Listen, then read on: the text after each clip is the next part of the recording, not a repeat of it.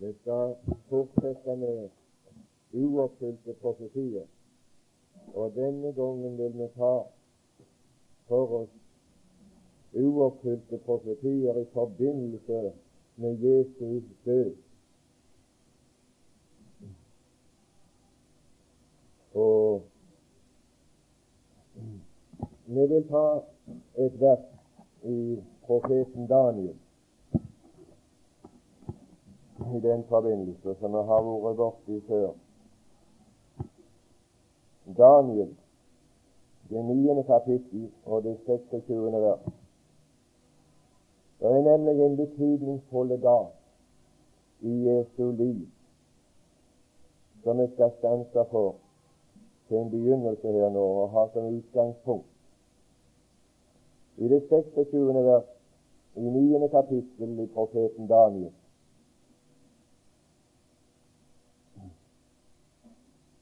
Niende kapittel og 26. vers.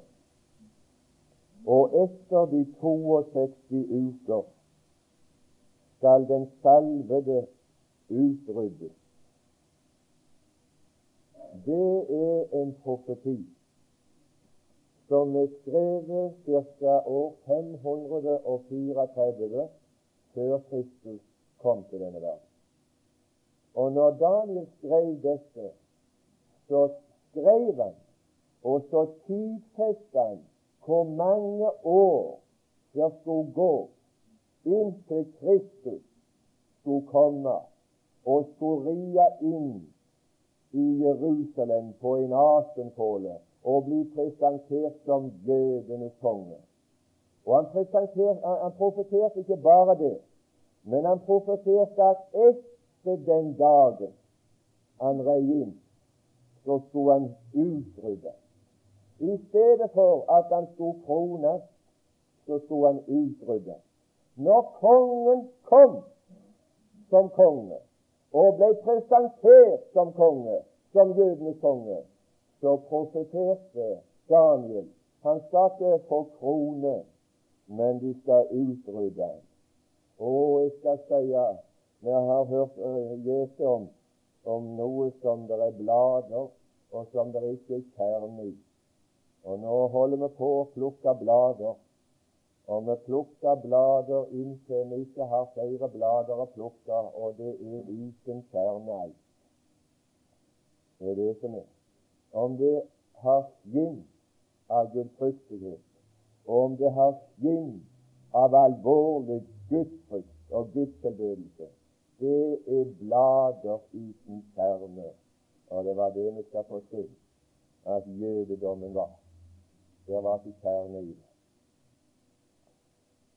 Ifra etter de 62 uker det var sagt på dagen i det forrige vers fra den tid ordet utgår om å gjenreise og ombygge Jerusalem inntil en salvet en første står fram. Så var det den gangen i Nehemias' bok, det andre kapittel. Der får vi tidfesta dagen for når det budet utgår om å gjenreise Jerusalem.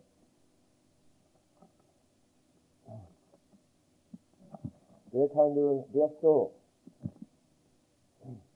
i Nehemias andre kapittel og første vers at i måneden Nisan i kong Erta 66. 20. regjeringsår den profane verdenshistorie kan lokalisere det årtallet og den måneden til den 14. mars i år 445 før Kristus.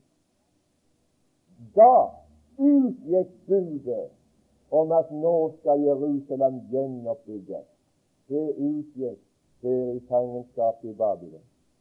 Den 14. mars i år 445 før Kristus så skulle det gå 483 år. Jeg skal si en nøyaktig profetier, så har vi tid å gjøre. 483 år, 69 år ganger 7. Og år som var et årmål av 360 dager etter Bibelens målestokk av et år, så du vil finne forskjellige plasser, bl.a. i Johannes' åpenbaring. At et Bibelens år er 360 dager. Og 360 dager ganger 483 år, det gir den fra den 14. mars så kommer du til den 10. nisan i år 32 etter Kristus. Så er det gått nøyaktig 483 år på dagen. Det er den siste, og den skal vi lese om. Den skal vi lese om når det kom til den siste i år 32 i Lukas evangeliet. I 19. kapittel. Og for en avgjørende skjebnedag denne dagen var. Palmesøndag. I det 19. kapittel så leser du om, om Jesu inntog på palmesøndag, når de, når de brukte palmegreiner. I 38. vers så ropte 'Velsignet være Kongen som kommer', i Herrens navn. Så står det i det 41. vers Og da han kom ned og så byen, gråt han over den og sa:" Visste også du om en først på denne på denne din dag Det skal gå 483 år. Og dette var den siste dagen av det 483 år. Om du visste, om en først på denne din dag hva som tjente til din fred, tjener til din fred, men nå er det skjult for dine øyne. Og så rei han inn. Og så kom han inn i Jerusalem som jødenes konge. Og hva er det vi opplever? Vi opplever en oppfyllelse av Daniel, det 26. vers, at han blir utryddet. De trona ikke kongen, men de utrydder ham. Og vi skal lese litt fra Matteus evangeliet om begivenheter fra palmesøndag og utover, hvor det går profetier i oppfyllelse uavlatelig.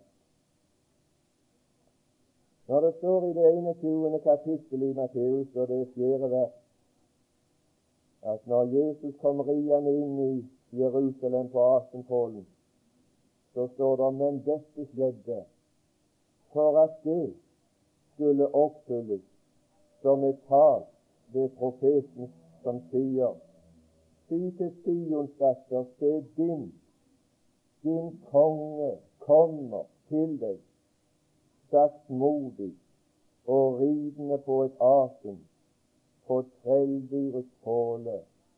Å, nå blir han presentert. Han kom, og det var kongen. Det var jødenes konge som ble forkasta, og som ble utrydda. Det var sagt her i forrige time at det sto en overskrift over korset, men den var gjort så tydelig at den var skrevet på alle verdens språk, så ingen skulle ha noe problemer å vite årsaken til den katastrofen som vises fram med denne personens død. Jødenes konge. Dette er jødenes konge. Nei, skriv nå og si at det han sa han var jødenes konge. Nei, de skrev dette er jødenes konge. Det var han ble utrydda, og intet rike har. Jeg skal si at det gitt oppfyllelse. Nå er det en betydningsfull dag palmesøndag, den første dag i uken, er søndagen. Nå har jeg lyst til å ta deg med i noen begivenheter som skjer dag for dag fra palmesøndag. Det skjer, og det er skrevet helt nøyaktig fra dag til dag her i Matteus evangelium. Hva var det som skjedde etter, eller på palmesøndag? Han kom inn i det 21. kapittel, så leser vi i det 12. vers. Jesus gikk inn i Guds tempel, og så rensa han det. Og så, så sier så i det 16. vers Har det aldri levd. Ja, har I aldri levd av umyndiges og dyenes munn har du beredt ei lovprisning. Og så skjer det mer. Der skjer det ja, på den dagen skjer det i grunnen ikke mer. Det var alt. Så var det slutt på palmesøndag. Han rensa tempelet. Så står det i 17. vers at han natten han ble natten over i Betania. Så er det mandag. Så er det mandag. Om morgenen på mandagen da gikk han til byen igjen, og den dagen forbanna han for. Å, det var noe. Nå var det noe som begynte å skje. Og den forbannelsen den gjaldt ikke et fikentre bare, men det var en lignelse, en demonstrasjon av jødefolkets forbannelse, forkastelse. Og jeg skal si det vitne. Å, men jeg skal si at nasjonen Israel visna. Det var ikke skatt i ei grei. De ble rydda ut og det ble begravd iblant alle folkeslag, og det var ikke satt i ei grei i den nasjonen. Det var aldri én jøde igjen i Palestina i århundrer. Aldri! Jeg skal si det vitne. Så så var det noe mer. I det 42. vers Jesus sier til dem, har jeg aldri lest i Skriften. Nå går det ting i oppfyllelse. Nå blir det profetier oppfylt. Den sten som bygningsmennene forkastet, den er blitt hjørnesten av Herren er dette gjort, og det er underfullt i våre øyne. Derfor, fordi det har forkastet derfor sier jeg dere, Guds rike skal tas fra eder og gis til folk som bærer det frukter. Dette er mandag. Så går vi videre, og vi kan ikke ta så mange ting, men vi kommer til det 22. kapittel og det 23. vers. Det er fremdeles mandag. Samme dag. Samme dag så kom noen staduseere. I det 34. vers så står det at han lukter munnen på dem og på fariseerne. Men da fariseerne hørte at han hadde stoppet munnen på saduseerne, nå var han ferdig med dem. Og så leser vi om at han også stoppet munnen på fariseerne i 46. vers. Og ingen kunne svare ham med et ord, og heller ikke vågde noen å spørre ham fra den dag. Det er fremdeles mandag. 23. kapittel og det første vers, det er fremdeles samme dag. Det er mandag. Da, da stopper han Da taler han til folket og til disiplene. Vi går videre, bare ta noe strekketrekk. 38. vers i samme kapittel, 23. Se, eders hus skal lates eder øde. Det er det som han sier på, på mandag. 24. kapittel. Første vers. Fremdeles er det samme dag. Det er mandag. Så jeg vil fram med dette her. Jeg vil lese, jeg vil lese det inn i Bibels sammenheng. Vi er fremdeles på mandag, ikke palmesøndag. Og jeg vil ha det fram til at Jesus døde til fasta tid, og ikke til en tid hvor mennesker har klussa med det. Jeg skal lese det for deg fra Bibelen at han døde til fasta tid, og at når han døde, så døde han som en oppfyllelse av profetiene. Jeg kjenner det igjen i hans død. Han stemmer med det som er skrevet. Jeg har en mening med det. Du får vente. Det er det tørt til å begynne med. 24. kapittel og det siste vers. Så er han fremdeles på Stammedal. Og da gikk han ut av tempelet, da ble det tempelet øde. I den talen han holder i det 24. kapittel, så svarer han på tre spørsmål. Og de tre spørsmålene er tid skal det skje, Jesus, at Jerusalem skal ødelegges, og tempelet skal rives ned. Når skal det skje? Og når skal det skje at du skal komme igjen til Oljeberget, til Palestina, til jødefolket, som jødenes konge? Og når er verdens ende? Der svarer han på tre spørsmål i den talen. Det er på mandag. 26. kapittel. Husker dere Og det skjedde da Jesus hadde en hele denne tale. Da sa han til sine disipler Mandag. Det var på mandag han talte, og det var på mandag han endte hele denne talen. Og når han var ferdig å tale på mandag, så sa han til sine disipler om to dager Om to dager er det påske. Å, hvor kommer du hen fra mandag om to dager? Holder du påske, da? Hva betyr det? To dager etter på mandag. Jeg får det til at det blir på onsdag. Jeg får det til at det må bli på onsdag at Jesus sier det på. Ja, det får I vet Det er ikke alle som vet. I vet at om to dager ifra mandag er det påske. Jeg skulle ønske det at vi visste tid Jesus er. Jeg skulle ønske det at vi Jesu død hadde funnet ham som Moses har skrevet om, og som profeten har skrevet om, og som ikke kirkefedrene har skrevet om. Det er jeg ikke så interessert i. Jeg er ikke så interessert i hva de har skrevet om Jesu død, men jeg er interessert i hva Moses skrev, og hva profetene Å, jeg har funnet ham.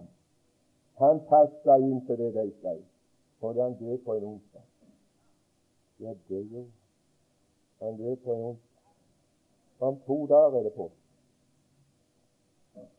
Ja, ja. Da, på onsdag, skal menneskesønnen overgis til å forfeste. 26. kapittel og 17.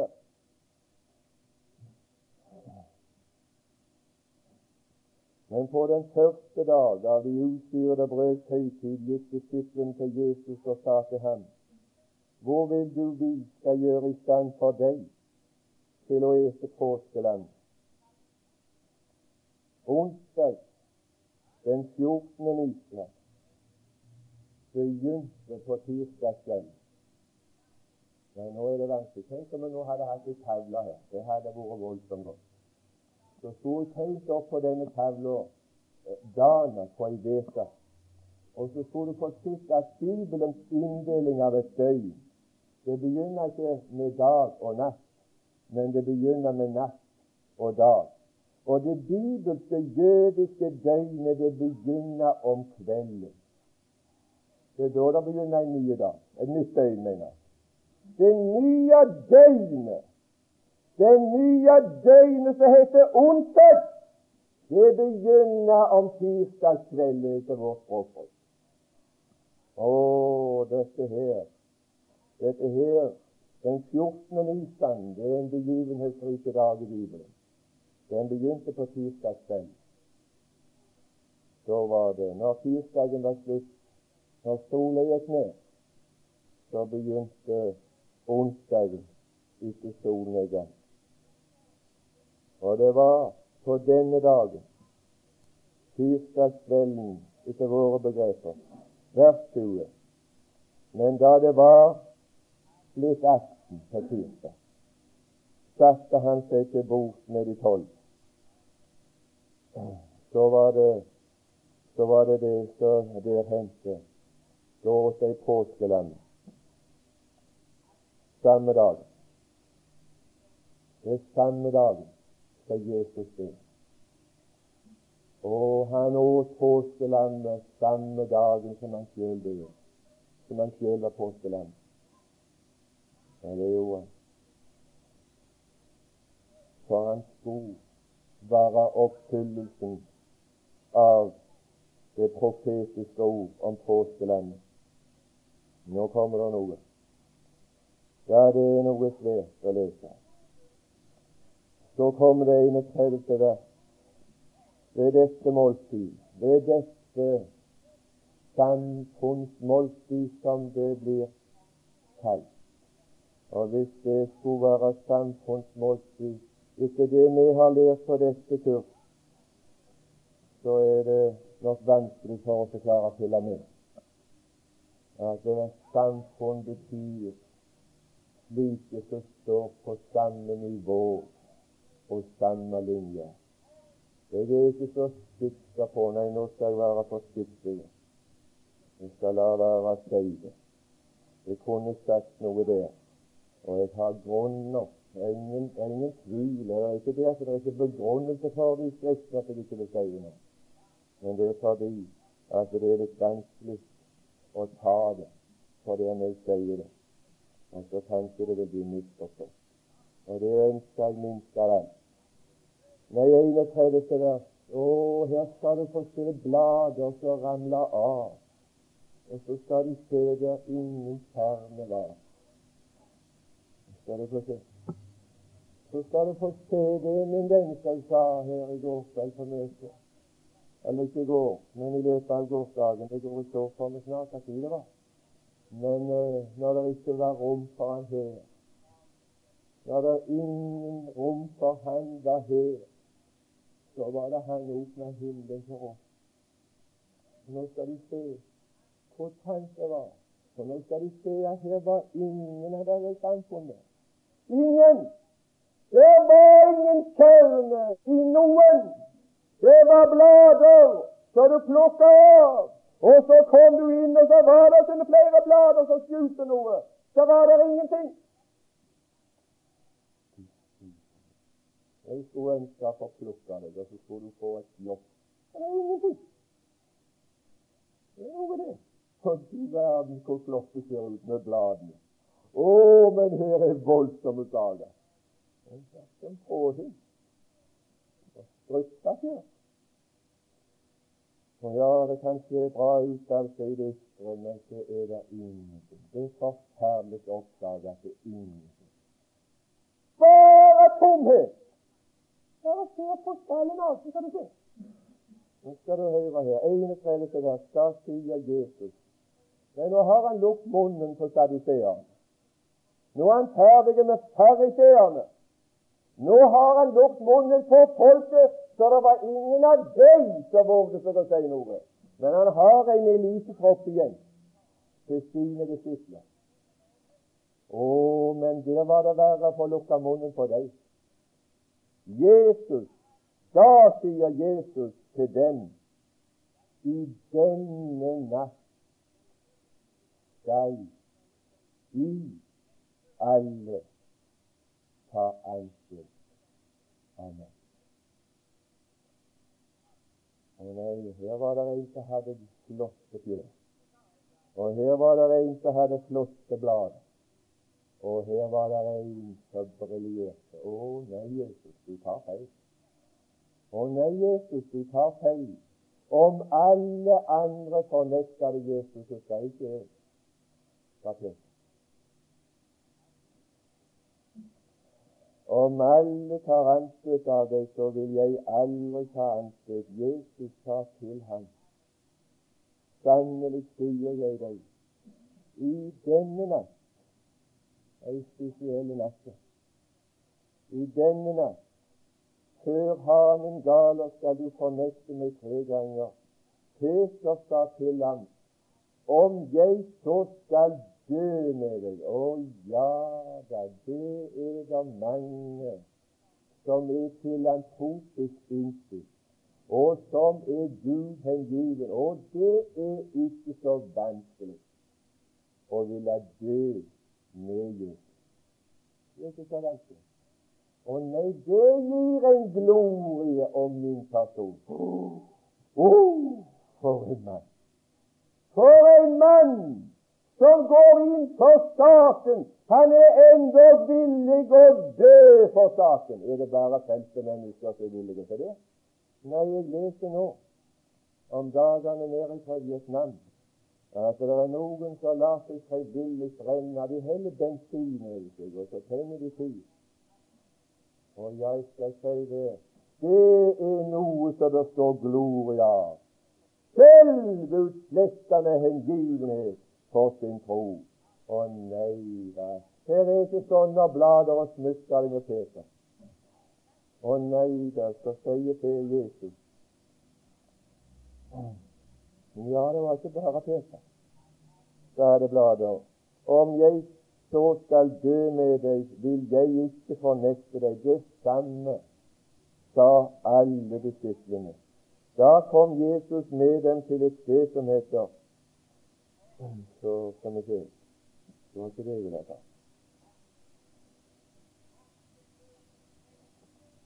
Men det han sa, og det han ville ha fram her, det er at i denne natt så skulle de, så skulle de alle fornekte. Det var det. Og det var det som Peter sa. Dette mennesket, når han fornekta, når det kom til dette punktet, når han fikk lære Jesus å kjenne på en annen måte som han ikke hadde kjent ham før, så sa han jeg kjenner ikke dette mennesket. Kjenner du det mennesket som ble forlatt før han ble forkasta denne verden? Som ble forlatt av alle. Kjenner du det mennesket? Kjenner du det mennesket som der ikke levna deg en glorie, naturglorie i det hele tatt? Det er snakk om å dø med Jesus. Å nei, han som her døde, han døde for meg. Og for en forsmedelse. Her er ikke glorie. Her er ikke blader. Her er ingenting. Hans død er for meg. Det er min skyld at han dør. Historien Jeg skal si her er ikke glorie. Nei. Så svares det i det 26. kapittel og det 54. vers. Peter han, han, han gjorde en innsats. Han gikk inn for det han sa. Han forsøkte å praktisere det han sa til Jesus.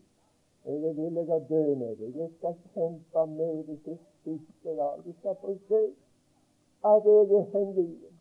Du skal få se at det er en kvalitet i meg som er hengiven til deg, Jesus. Og jeg er så hengiven til deg at jeg er villig å det mener jeg å forsvare deg.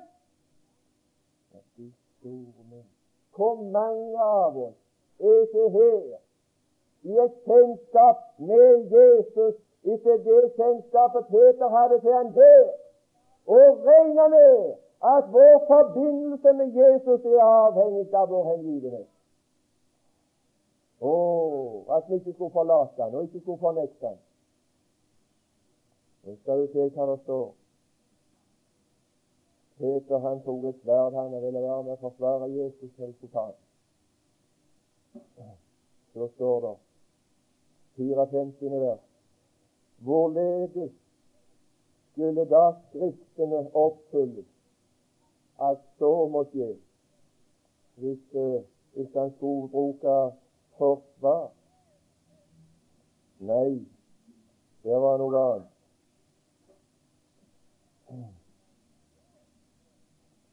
56.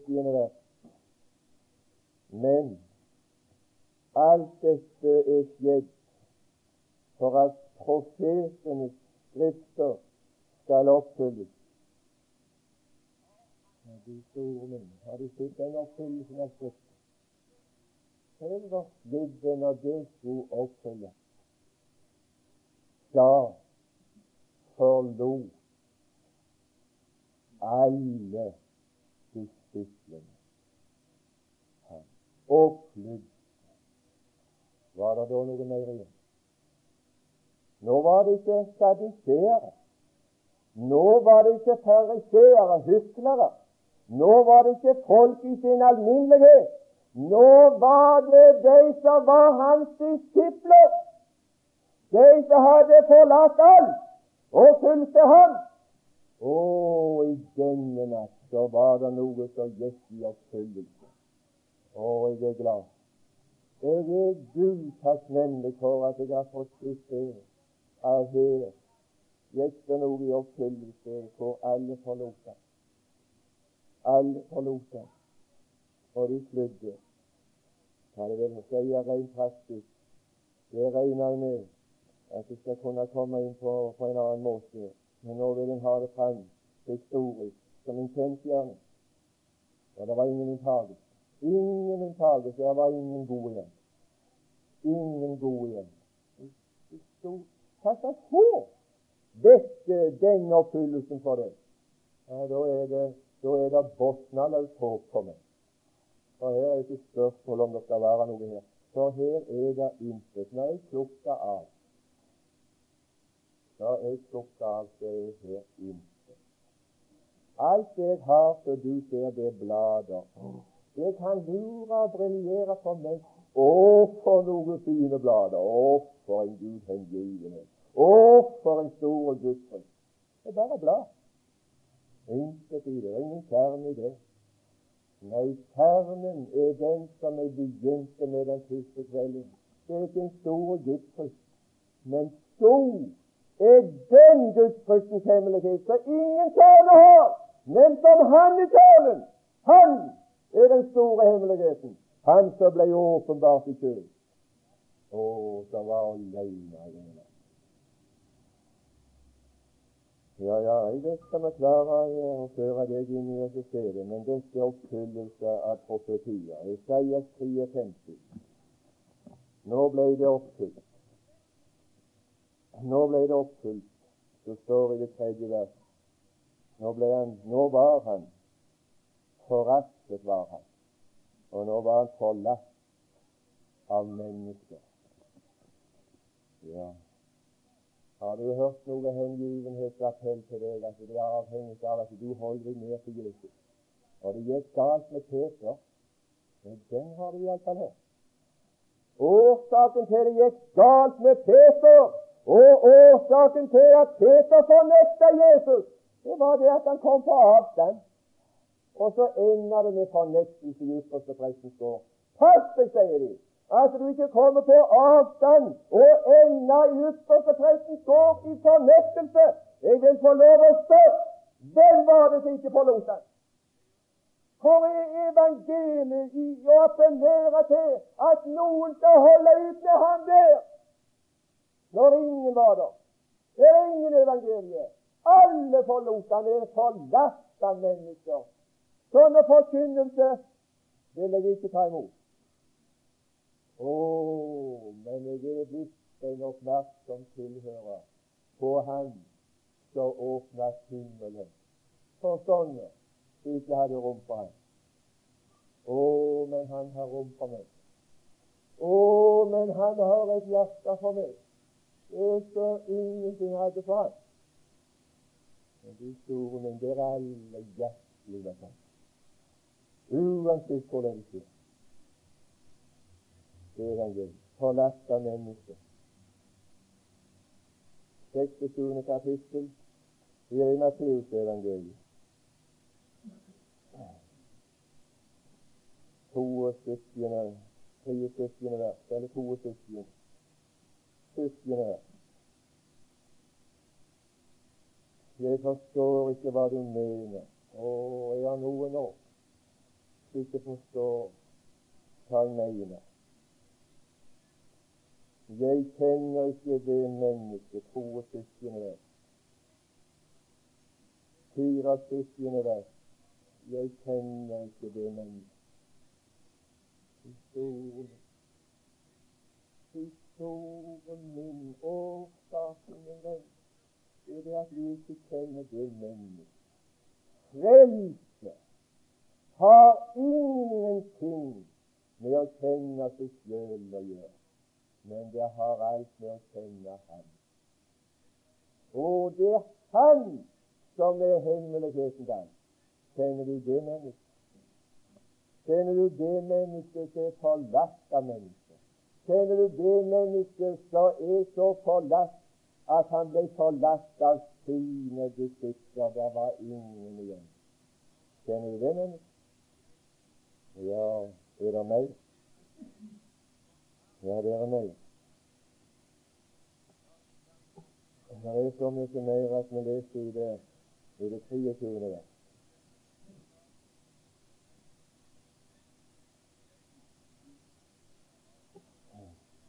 Ja, vi skal, vi skal ta det fra det som var lest i første Korinterbrev. Der er det definert.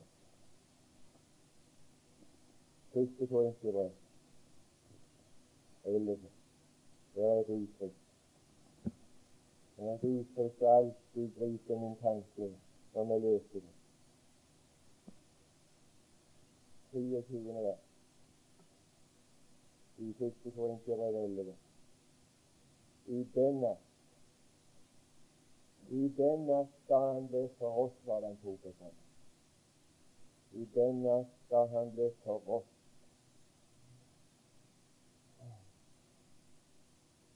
Menneskesønnen går bort, som skrevet står, men det er det mennesket. Det er den han blir for oss. Og når Jesus ble for oss, så ble han for oss etter Guds besluttede råd og forutviten, sier apostelgjerningene 2.23. Og nå har jeg lyst å dra fram noe av oppfyllelsen av det, om forrådelsen. Når han ble forrådt etter Guds besluttede råd. Det var noe Gud hadde beslutta. Og når han ble forrådt, så var det for at det skulle bli oppfylt. Men det er det mennesket, ved hvem han ble forrådt. Nå skal vi lese. Forræderi. Hvem som kan utføre et forræderi? Det er ikke hvem som helst. Det er ikke hvem som helst som kan være forræder. Det er noe nemlig som må som er en nødvendig betingelse for, for en person kan være en forræder. Og det er det at han må være innenfor der han skal forråde. Han, eh, han kan ikke forråde noe hvis han aldri har vært innenfor.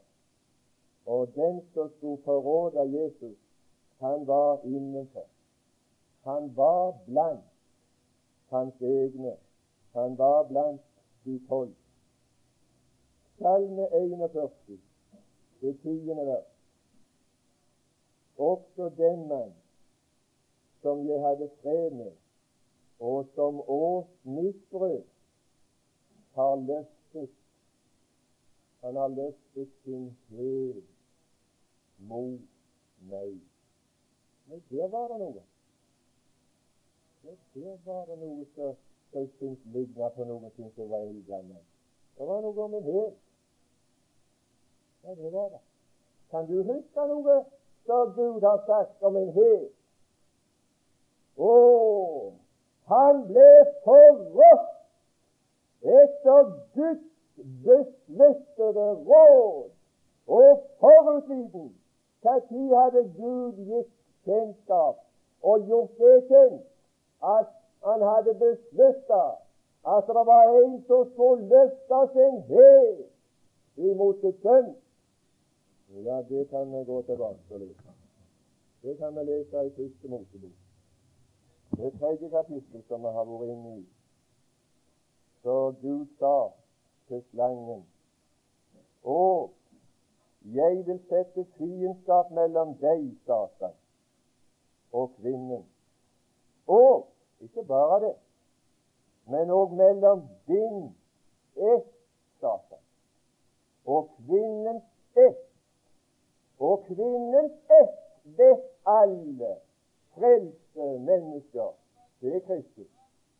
Det har vi iallfall gått igjennom her. At han er født av en kvinne og født av en jomfru. Han er kvinnens ett. Men da er spørsmålet hvem er det som er slangens ett? Er det bare Gud som har født en sønn som heter kvinnens ett? Eller har Gud sagt noe om at djevelen skulle ha en sønn som skulle hete djevelens ett? Og hva var det den djevelens sønn skulle gjøre? Han skulle løfte sin hæl imot Guds. Det var det han ville. Og den skal knuse ditt hode, men du skal knuse den fel. Jeg skal, jeg skal bare lese for deg noen ord. Og Jeg skal ikke si så kolossalt mye om det. Men her var det en forrådelse som skjedde etter Guds besluttede råd. Johannes evangeliet, det 13. kapittel og det 18. vers. Der var det noe som skjedde for at Skriften skulle oppfylles. Men for at Skriften skulle oppfylles Johannes 13, 18. vers. Men for at Skriften skulle oppfylles Den som eter sitt brød med meg, har løftet sin hæl mot meg. Og det er bare én plass. Og det var bare én som forråder for at Skriften skulle oppfylles. Jeg takker for det at du inspirerte. Jeg har ingen bekymringer om at det er noen uoppfylte skrifter og noen uoppfylte profetier som forteller om at noen flere ganger skal forråde Jesus for at Kristen skal gå i oppfyllelse. Men det var det med Judas. Det var det med Judas. Han var jo regnet blant oss og fikk del i denne tjeneste. Han hadde en stilling som gjorde det mulig for ham å forråde den Herre Jesus. Det var det som gjorde det mulig for ham. Men forræderi er noe mer, og dette var høyforræderi. Han hadde et embete. Han var en mann som var innsatt i et høyt embete i apostlenes gjerninger. Det første kapittel og det sjuende vers. Der står det la en annen få hans embete. Et embete. Salme 41, som vi leste, der var det sagt den mann som jeg stolte på, den mann som jeg viste tillit ved å gi et embete. Og Jesus gav Judas et embete ved å ta han inn i disippelflokken. Det gjorde han. Men uh, det er spørsmål hvorfor han valgte han inn.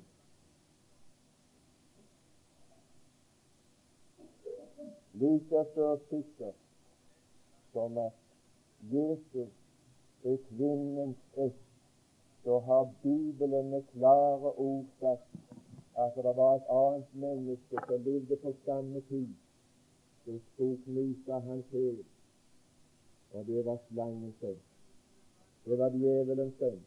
Det var djevelen inkarnert her i denne verden som skulle møte opp, og så skulle knuse Guds hæl. Men Guds sønn skulle knuse slangens hode. Jeg skal lese bare noen ord, og jeg ønsker her å føre deg ut og fri deg ut fra noen muligheter, noen frykt for at du noen gang skulle bli en jude. Det kan du aldri bli. Ingen her kan bli noen Judas. Judas kan aldri gjenta seg i andre, men han skal gjenta seg i historien. Det skal han gjøre, men det er en annen ting. Hvem var Judas? Den første som jeg Vi lese om det. Det står i Johannes evangeliet, det 17. kapittel, det tolvte vers. Hvem han var? Hvem var Judas? Der sier Jesus i den ytterste prestelige bønn at ingen blir fortalt uten synd. Fortapelsens sønn. Fortapelsen hadde en sønn i denne verden, mens himmelen hadde en sønn i denne verden. Jesus var himmelens sønn. Judas var fortapelsens sønn. Det er det som vi har i Guds ord som forteller om hvem han var. Han var en djevel. Johannes 6, det 70. vers. En av eder er blitt en djevel. En umulighet. En umulighet. Men en av eder er en djevel. Og det er mulig. Og det var det som Judas var. Og han talte om Gud, der står det, så det er ingen, det ingen begrepsforvirring der. En av eder er. Og i det åttende kapittel i Johannes, det 44. vers, der står det hvem er far til løgnen. Djevelen er en løgner, men han er også løgnens far. Ja, jeg vil, ikke, jeg vil ikke si noe mer om det. Men eh, Judas forræderi, det er av. Det er en oppfyllelse av at slangen skal knuse Kristus til. Der ble det oppfylt. Det skriftet ble oppfylt ved at Judas forrådte den Herre Jesus. Og i Guds råd forelå det bare én slik beslutning, og den gjaldt Juda. Og det er ingen andre slike beslutninger. Heldigvis. Og det er en annen ting. Han skal, han skal knuse ditt hode. Han skulle ikke være forræder, men han skulle knuse. Det var i Guds forutbesluttede råd at han forrådte ham. Og det var etter Guds forutbesluttede råd at han gikk fortapt. Det var ikke bare det at han skulle knuse Kristi hæl, men Kristus skulle knuse hans hode. Og Satan gikk fortapt for oss. Ikke fordi han forrådte, ikke fordi han var en forræder, men fordi Skriften skulle oppfylles. Derfor var det. Og du verden for et Ja. Det var for at Skriften skulle oppfylles. Og i Guds råd så forelå det bare én slik beslutning, og den gjaldt heldigvis djevelen. Det er bare én beslutning om noe som skulle gå fortapt, og den gjaldt djevelen for fortapelsen og helvete et sted som Gud har beredt for djevelen og for hans engler. Det forelå i Guds besluttede råd. Og Guds besluttede råd har aldri besluttet at noen mennesker skal gå fortapt. Gud vil ikke at noen menneske skal gå fortapt. Og Gud ønsker ikke å se et menneske i helvete, men han har beredt helvete for djevelen og for hans engler. Og når det står i apostlenes gjerninger, det første kapittel og det, og det 25. vers, så står det så betegnende at når Judas død, så gikk han til sitt eget sted. Han kom til et fremmed sted. Men han gikk til sitt eget sted, for helvete er djevelens eget sted som Gud har beredt for ham. Men når et menneske går fortapt, så kommer de ikke til sitt eget sted, men de kommer til andre sted. De kommer til det som er djevelens sted. Men det sted som Gud har beredt for mennesker, det var himmelen. Det er ditt eget sted. Hvor skal du handle henne? skal du komme som og bli begravd blant fremmede.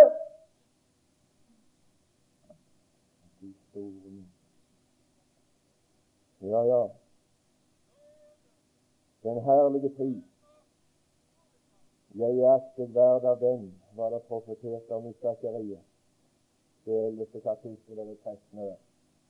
Den herlige pris. Hvorledes var det den ble brukt? Matteus 27, det niende vers. Da ble det oppfylt, som er talt til profeten Jeremia, som sier og de tok de 30 sølvpenninger, den verdsattes verdi, han som Israels barn lot verdsette. Nå sto han ut og så og fått lyst. Hvor står det hen i profeten Jeremia? Da ble det oppfylt det som er talt ved profeten Jeremia, som sier Hvor står det? Ja, hvis du hadde nå gått hjem og lest gjennom Jeremia, så tok du vel ikke finne noen plass ikke i klagesangen engang. For det er ikke noe som Jeremia har skrevet. Det står ikke det. Men, står det, da ble det oppfylt det som Jeremias har talt. Og her var det en mann som visste det at Sakarias han siterer Jeremias ikke noe han har talt, ikke til noe han har skrevet. Det, ja, det burde vi òg. Og så slapp vi ha disse problemer med vanskeligheter i Bibelen. Det kan ikke stemme. Jo, det stemmer utmerket godt. Og da ble det oppfylt. Hva var det som ble oppfylt da?